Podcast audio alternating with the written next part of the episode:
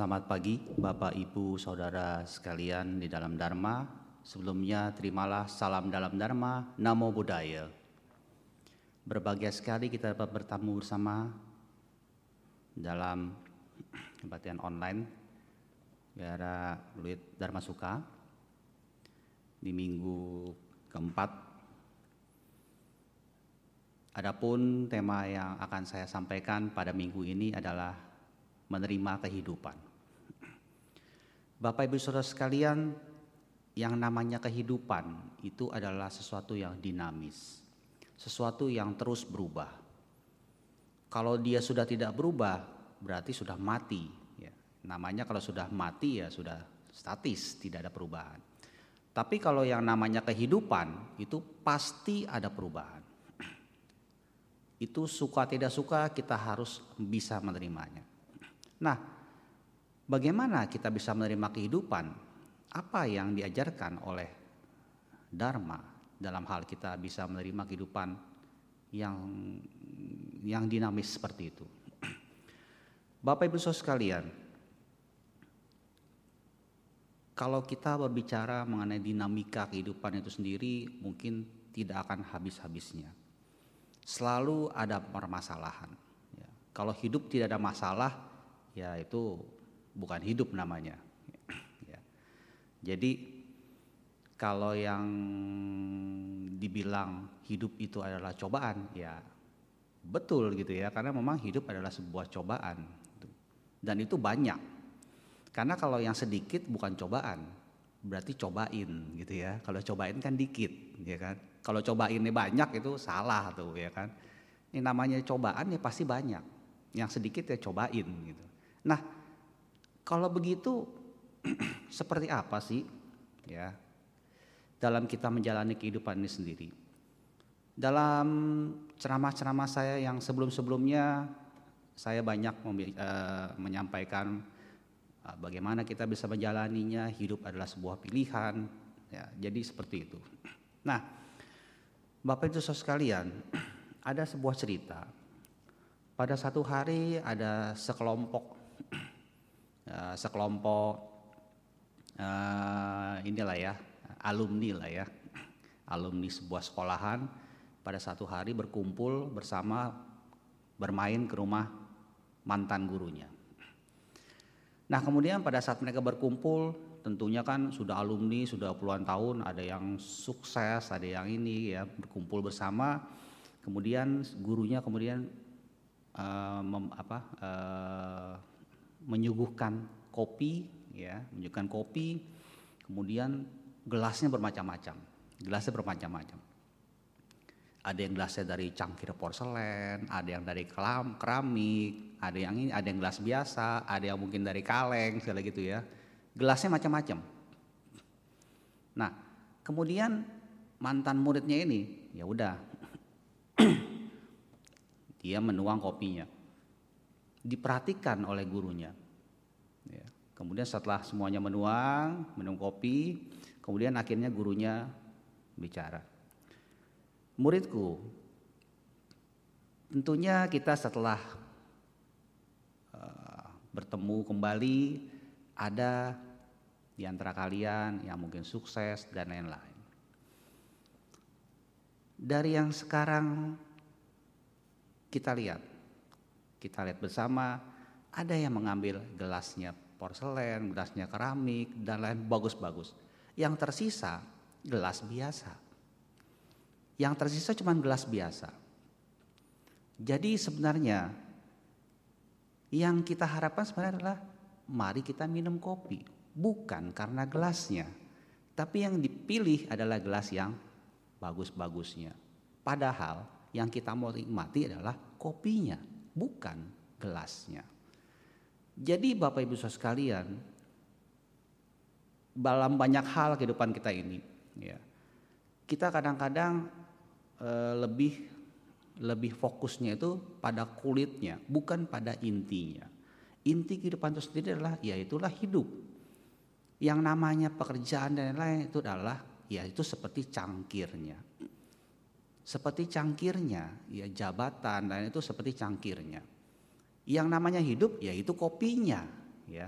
Jadi janganlah kita kemudian memandang oh ini yang lebih penting. Padahal ada yang lebih penting itu sendiri, yaitu bagaimana kita bisa menjalankan kehidupan itu sendiri. Bukan karena bungkusan-bungkusannya. Nah jadi Bapak Ibu sekalian,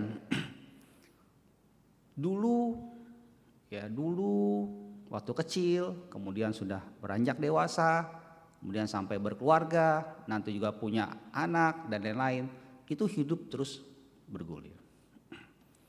Kita tidak bisa memberhentikan hidup itu sendiri. Karena ya bukannya hidup itu seperti kayak kita nonton apa ya nonton video atau kita bermain game yang seenaknya kita bisa uh, apa stop kemudian main kembali. Nah, jadi Bapak Ibu Saudara sekalian, bagaimana sih kita bisa menerima kehidupan? Yang diajarkan oleh Buddha agar kita bisa menerima kehidupan adalah kita harus bisa ikhlas. Kita harus bisa ikhlas. Ikhlas dalam hal apa?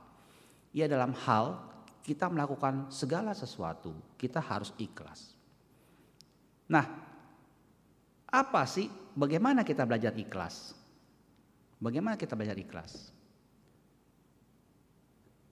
Caranya adalah berdana. Karena dalam berdana itulah yang diajarkan oleh Buddha yaitu adalah ikhlas. Kok bisa seperti itu ya? Kenapa yang diajarkan Buddha itu eh, apa? Eh, pada saat dana itu belajarnya ikhlas. Karena dana yang baik adalah ada tiga ya. Sebelum kita ber, kita harus senang, gembira, Sewaktu kita memberikannya, kita juga harus gembira.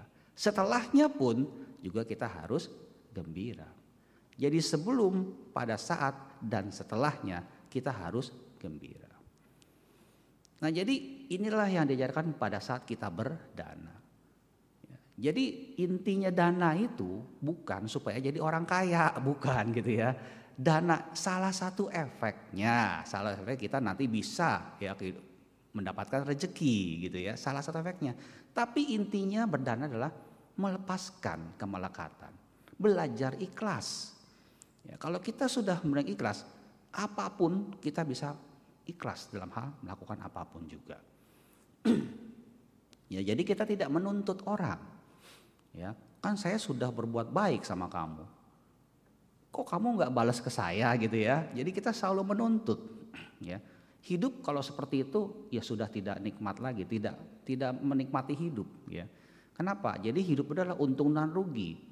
Saya sudah ber, ini semuanya kok mana balasannya ya. Sama seperti yang sebelumnya ya, yang ceramah saya ya, ceramah saya sebelumnya itu adalah eh, apa ya? Eh, tanpa meminta ya atau apa saya agak saya lupa.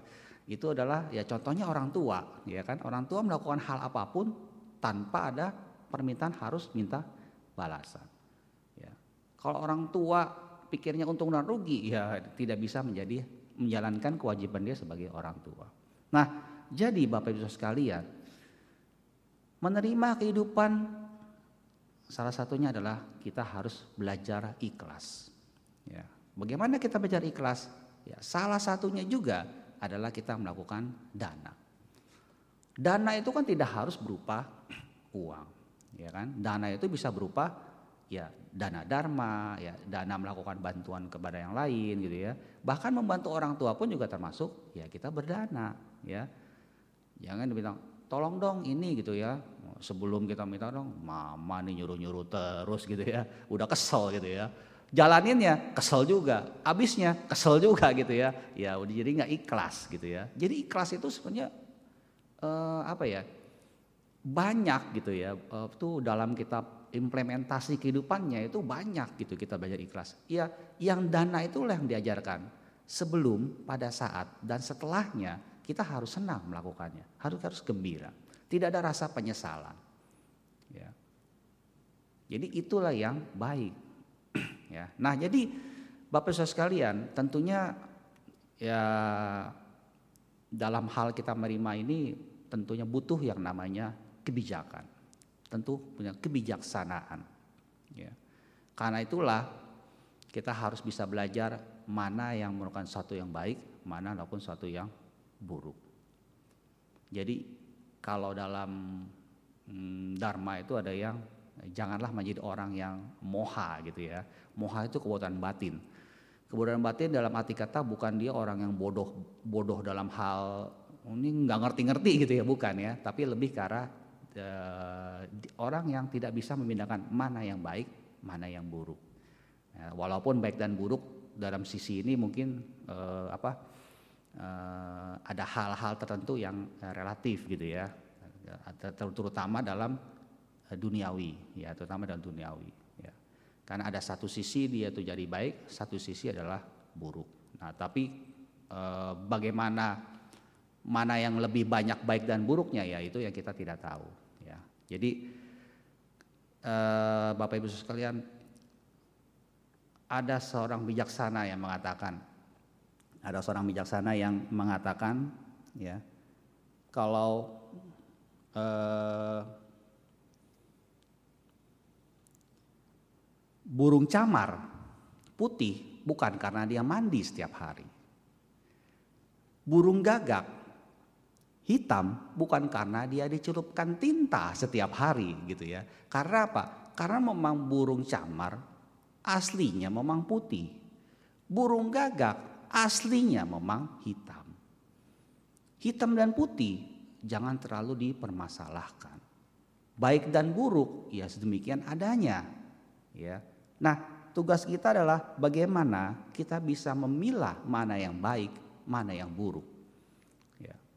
Jadi sesuatu hal itu memang harus pintar-pintarlah kita uh, menimbang ya, menimbangnya, memikirkannya dan juga bagaimana memutuskannya. Dan ini butuh sebuah pengalaman hidup. Butuh sebuah pengalaman hidup.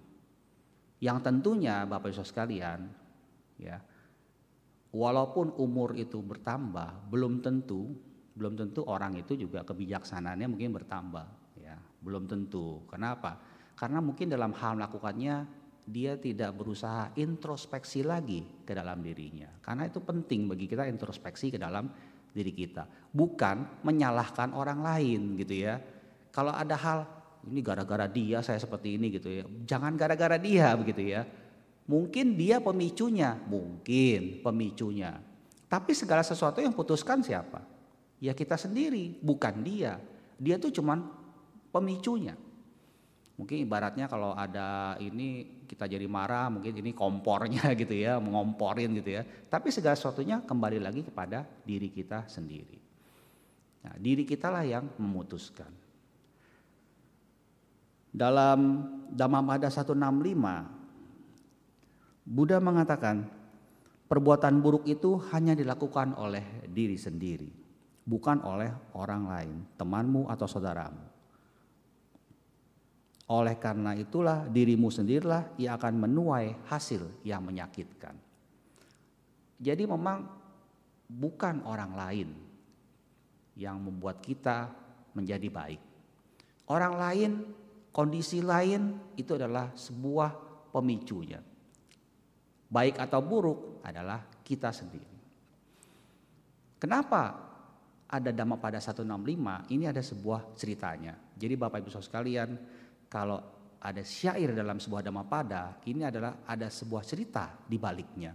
Ini cerita mengenai seorang upasaka bernama Culakala. Yang pada saat itu dia mm, mendengarkan khotbah dharma, kemudian menginap ya karena kan dulu khotbah dharma itu kan malam-malam gitu ya. Dia menginap yang pagi-paginya kemudian dia sedang di pinggir sungai lagi cuci apa membersihkan badannya Tiba-tiba ada seorang pencuri lewat, barang curian ditaruh di sampingnya dan dia tidak tahu. Tiba-tiba ada orang, sekelompok orang datang, culakalanya dipukulin gitu ya.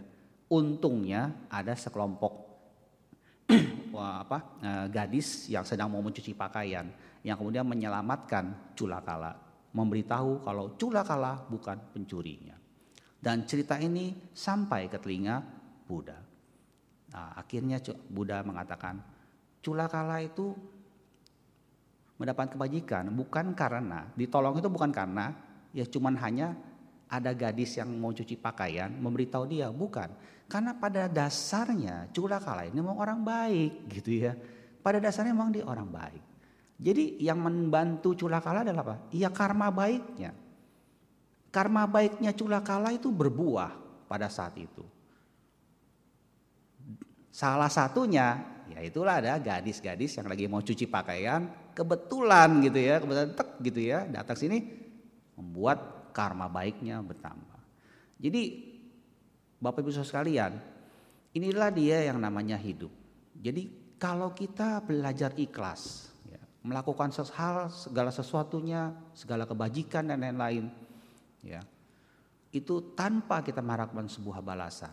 Ya, inilah kita bisa menerima kehidupan itu sendiri.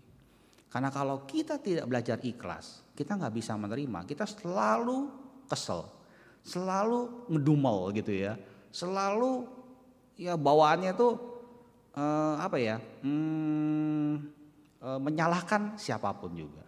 Kembali kepada diri sendirinya, selalu dia tidak ada. Nah jadi Bapak Ibu sekalian, yang diajarkan oleh Buddha ini adalah sesuatu yang sederhana Ya, tetapi tentunya memang harus kita bisa menjalankannya dengan setahap demi setahap. Karena tentunya yang namanya melakukan sebuah kebajikan ini eh, apa ya eh, harus eh, perlu di eh, apa ya perlu diniatkan gitu ya. Kalau kita berbuat jahat sih nggak perlu niat juga bisa muncul sendiri gitu ya. Kalau misalnya kita lagi santai-santai gitu ya, tiba-tiba kamu ini aja pukul yang sebelah pok gitu ya kalau nggak berantem gitu ya nah, tapi kalau berbuat baik kan tidak bisa ada sesuatu yang kita berbuat baik lakukanlah karena mungkin kesempatan itu mungkin bisa tidak ada lagi ya. karena memang yang namanya berbuat baik itu memang harus terus dan terus kadang-kala kita nggak ngerti juga ya pada mungkin perbuatan itu bagi kita sepele tapi mungkin berbuat baik Senyum saja sudah berbuat baik gitu ya. Kalau senyum saja berbuat baik. Mengucapkan selamat sudah berbuat baik. Jadi sebenarnya banyak kita bisa buat baik. Hanya kadangkala kita mikirnya tuh terlalu tinggi. Nanti kalau saya sudah punya jadi orang kaya, saya mau nyumbang buat bangun wihara gitu ya. Padahal sekarang pun bisa bangun wihara gitu ya kan bisa, ya kan? Ya kita berdana, oh ya ini berdana atau apa gitu. Ya kita bangun wihara juga wihara secara fisik. Kita bangun seperti itu, belajar ikhlas. Bukan hanya wihara yang di luar, wihara di dalam pun sudah kita bangun. Ya inilah yang penting bagi kita. Sama seperti tadi cerita si gurunya. Ya, yang guru tadi menyampaikan kopinya. Kenapa? Orang lebih tertarik pada cangkirnya, ya, gelasnya ketimbang kopinya. Padahal yang kita nikmatin kan kopinya, ya kan? Oh gitu ya. Kan kalau minum kan gitu, wah ini kopinya enak nih ya. Wah ini kurang nih gitu kan. Wah ini harum. Itu kan yang di harus nih permasalahan. Bukan karena ini cangkirnya kok gompal ya. Cangkirnya ini ya, kok ngomong cangkir ya. Padahal kita kan lagi minum kopi. Kenapa cangkirnya yang dikomentarin gitu ya. Ya kan salah gitu, salah gitu. Harusnya kan kopinya. Nah inilah dia. Jadi karena fokus kita bukan pada fokus kehidupan itu sendiri. Fokusnya pada yang di sekeliling kehidupan itu sendiri. Ya, jadi Bapak Ibu sekalian, menerima kehidupan adalah sesuatu hal yang memangnya eh, harusnya ya harusnya kita sebagai umat Buddha bisa menjalankannya dengan baik karena memang sudah diajarkan, sudah dibabarkan oleh Buddha. Hanya mungkin kita mungkin lebih pada fokusnya itu yang besar-besarnya. Padahal berbuat baik itu mulainya dari yang kecil, ya. Untuk jadi besar ya kita berbuat yang kecil. Bagaimana kita berbuat suatu bisa yang besar ya, tanpa dari yang kecil? Bagaimana kita bisa melakukan sebuah ikhlas yang besar, kalau ikhlas yang kecil saja kita nggak bisa. Ya, ikhlas yang kecil apa? Ya bantu. Misalnya, oh iya ini saya bantu ya, gitu ya. ikhlas yang kecil tuh, cuma bantu apa? Ya, kalau misalnya lagi di jalan ada yang apa sih? Kadang ada ya ada uh, tunanetra ya yang atau apa gitu kan. Ya udahlah, oh ya, ya.